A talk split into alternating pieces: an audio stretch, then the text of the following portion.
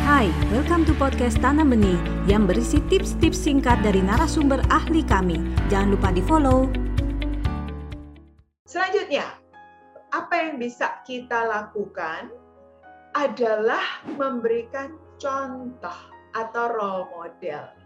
Jadi setelah segala upaya kita lakukan untuk exposure, mari kita merefleksi ke diri kita sendiri. Sebagai orang tua, apakah anak kita melihat bahwa kita juga makan sayur, kita juga makan buah, kita juga makan protein yang tadinya anak tidak mau.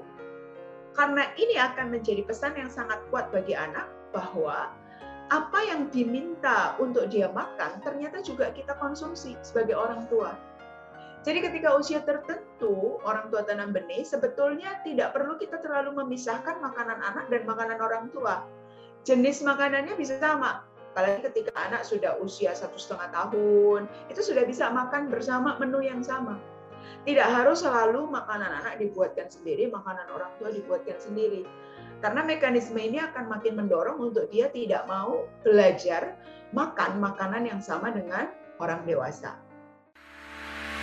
Anda baru saja mendengarkan tips dari Tanam Benih Foundation. Mari bersama-sama kita terus belajar untuk menjadi orang tua yang lebih baik demi generasi yang lebih baik. Jangan lupa follow podcast kami.